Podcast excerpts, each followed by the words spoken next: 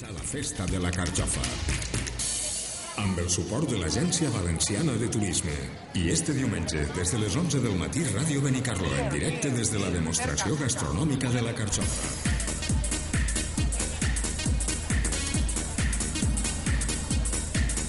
11.45, eh, ja tenim així un, una de les persones que, sense la seva feina que fa tots els dies, la festa que celebrem avui no seria possible. Tenim amb nosaltres Adrià Arín, un llaurador de Benicarló i productor de la nostra carxofa. Molt bon dia, Adrià. Bon dia, bon dia. La primera pregunta és eh, com ha anat la campanya d'enguany, eh, perquè hem tingut temporal, hem tingut molts factors a tindre en compte. Pues sí, diríem que aquesta campanya està sent, per ser el principi, està sent molt millor que l'any passat, tenim el fred aquí, el, les pluges també han acompanyat una miqueta, però bueno, la carxofa està sent millor en aquest principi, una carxofa bonica, eh, grossa com la, la que eh, ens representa i bastant de moment està bastant, bastant bé la campanya. Bon dia, Adri. Millor que la de l'any passat? Eh, sí, bastant millor, perquè més que res la, el fred fa que quedi una carxofa més, més redona, més tancada, més bonica i és el que nosaltres eh, no, el que, mos, el que venem i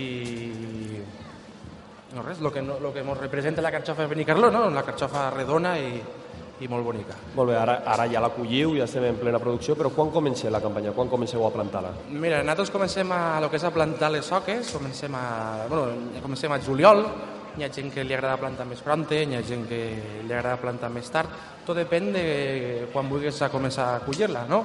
contra més pronte la plantes, pues ja està clar que més pronte Sí, però si no fa fred... Si no fa fred, claro, aquests són els factors que, que necessites per tindre una carxofa bona. Però bueno, ara eh, els que estem en plena producció és, som els que més tard hem plantat perquè al sortir una carxofa més tardana surt ara hi ha un tall molt més bo de carxofa i en el fred i les eh, ens ha acompanyat enguany doncs tenim unes carxofes bastant boniques. Un fred i bueno, el temporal que ha afectat a tota la comunitat valenciana eh, ha afectat d'alguna manera la carxofa de Benicarló o ha sigut tan recent que ja no... Mm, no, la carxofa, la veritat que este temporal eh, així a Benicarló no, no ens ha afectat molt perquè s'ha vist imatges de, de, de, més a València que sí que ha fet molt de mal, però que la veritat és que els carxofars estan molt, molt, molt bé eh, jo he vist carxofars eh, molt bonics i a més per al carxofar vell també li ajuda bastant, el vell és el que es deixa de rebrot de l'any passat que se seguen les soques i deixa la soca vella, la mare eh, i se veuen uns carxofars molt, molt, molt bonics mi, millors que els de l'any passat millors. I ja ho has dit antes, però què, quina és la diferència a la carxofa de Benicarló de, de la resta que, de carxofes que, que podem trobar? És ten, que... Tenim aquí unes carxofes damunt de la taula i abans havia agafat una i dit, esta és francesa. Sí, és, hi ha una carxofa allí d'aquella part de la taula que, veus, no té el forat al mig i és molt més... Eh, té una forma més de, de cono, no? no és tan redona. Les carxofes d'ací Benicarló se diferencien doncs, per, perquè són més tendres de, de tota la carxofa en si, és més, és més tendra, més redona, té el forat al mig, que és el que la caracteritza. les carxofes tan, tan boniques que fiquem a la brasa, però on fiquem l'oli i una miqueta de sal. I, i no res, això és. I ara ho has dit, la, la for, les carxofes, quan les colliu, després vos les la, on les veneu, les fiquen de denominació d'origen, de primera, com les diferencien? Quins paràmetres usen? La, la carxofa que se ven com a blanca, no? que és la bona, la més bona, és la carxofa més redona, la carxofa que té ixe foradet, la carxofa que no té ninguna fulla cremada, la carxofa Eixa és la, la especial. Després les més categories, més, més punxenques, les més, en forma ja més llarguetes, i contra més menuda, més seca, més això ja va perdent més qualitat. Eh, creieu que, els generadors creieu que la carxofa, com a denominació d'origen, se li paga com a tal o penseu que està mal retribuïda? Pues jo la veritat és que això sí que no tinc, no, no podria opinar, però bueno, eh, la carxofa de denominació d'origen suposo que és un plus que li dona la carxofa de Benicarló, és algo que no, te, te maneja per, per tots els mercats, com ha de ser una dominació d'origen, com a tal, però jo crec que sí, està ben pagada, és, fas una campanya, si te surt bastant bé la carxofa, fas una campanya bastant bona i la, com a denominació ja dit, algun plus deu de tindre, sí. I ara hem parlat ahir una mica de com està retribuïda i anem a parlar una mica de política, som vist de la política. Eh, què penseu que fa falta que invertisca, per exemple, l'Ajuntament en el que seria o la Generalitat per a millorar el camp de Benicarlando? Quines són, què és, quines són les mancances que ara mateix tu creus que hi ha al camp de Benicarlando? A mi m'agradaria que el camp de Benicarló es reconeguera més eh, com al poble, no? Perquè jo des de la, des de la meva part, eh, tinc 22 anys, encara no puc dir molt, però m'agradaria que eh, Benicarló coneguera més el seu camp, que s'obriguera més el poble a lo que és el, no? el, el camp i, i fer-nos notar perquè és, jo com a 20, 22 anys que tinc eh, jo estic començant i m'agradaria molt treballar en aquest ofici i m'agradaria sentir-me recolzat no? tant com el poble per la, per la Generalitat i per, per tot allò que al fi i al cap és el que te fa moure. Ara parlàvem d'això, com és la situació dels joves llauradors benicarrandos ara mateix i en què es diferència, eh, per exemple, de la dels vostres pares. Pues jo vaig començar a treballar als 16 anys ja aquest ofici, però jo des de molt menut a mi m'ha agradat moltíssim. I jo sempre ho he dit i ho reitero, que el camp més que una feina és una forma de vida, no? I que els joves comencem a treballar aquí i que hi hagi algun jove que, que siguis aquesta feina és molt, molt, molt, molt important. Més que res perquè a mi m'agrada molt aquest ofici i és, és algo. Però als joves, pues, claro, és que és una feina difícil, no? Sí, perquè no pots desconnectar mai. Tu des de fora pues, claro, no tens hores, eh, no acabes mai i sempre l'oratge està damunt. Però bueno, jo crec que aquest ofici no té que acabar mai i, i té que seguir endavant. I avant, el que, els que mos agrada com a mi és una forma de vida i jo dic, qui vulgui ficar-se en aquest ofici, com a jove, te té que agradar moltíssim. Podria contar-nos una mica com és eh, la teua jornada, el teu dia a dia respecte al treball. Bé, doncs nosaltres eh, diferenciem entre la campanya d'hivern i d'estiu.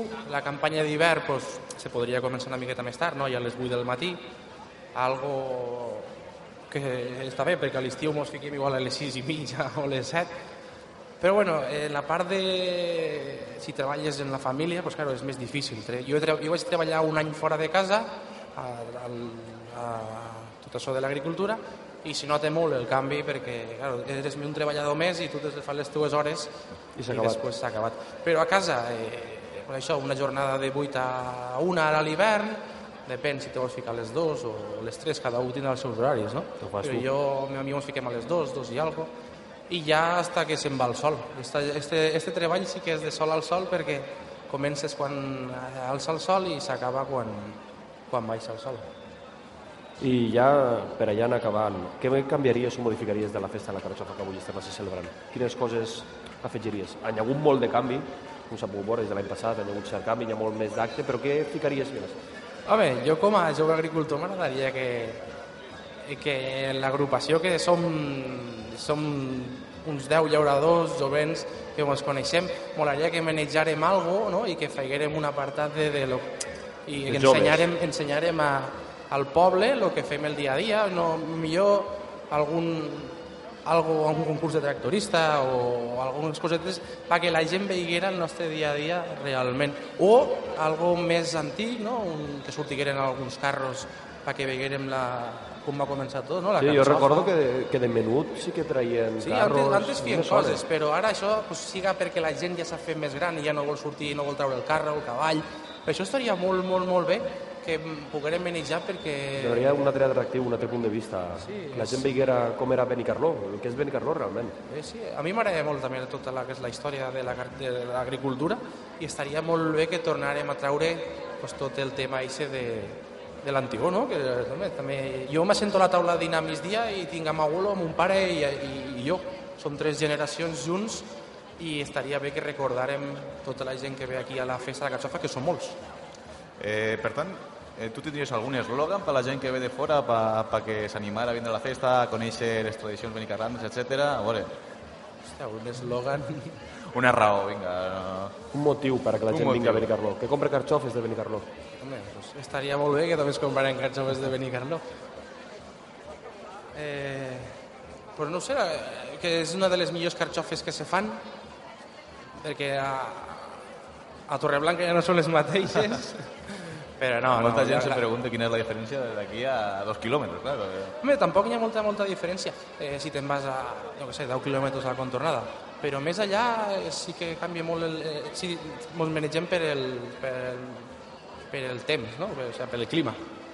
Però no sé, la carxofa de Benicarló és única perquè nosaltres li dedicarem moltes hores, és una cosa que des de que plantes la soca que és sec com si fos una rama de taronger seca, hasta que surt la primera carxofa és, és molt bonic. Molt bé, Adrià, fins així l'entrevista al llaurador que ha fet possible realment amb tot el treball dels companys, tota aquesta festa a Benicarló és part fonamental per a que la nostra hortalissa estiga on està.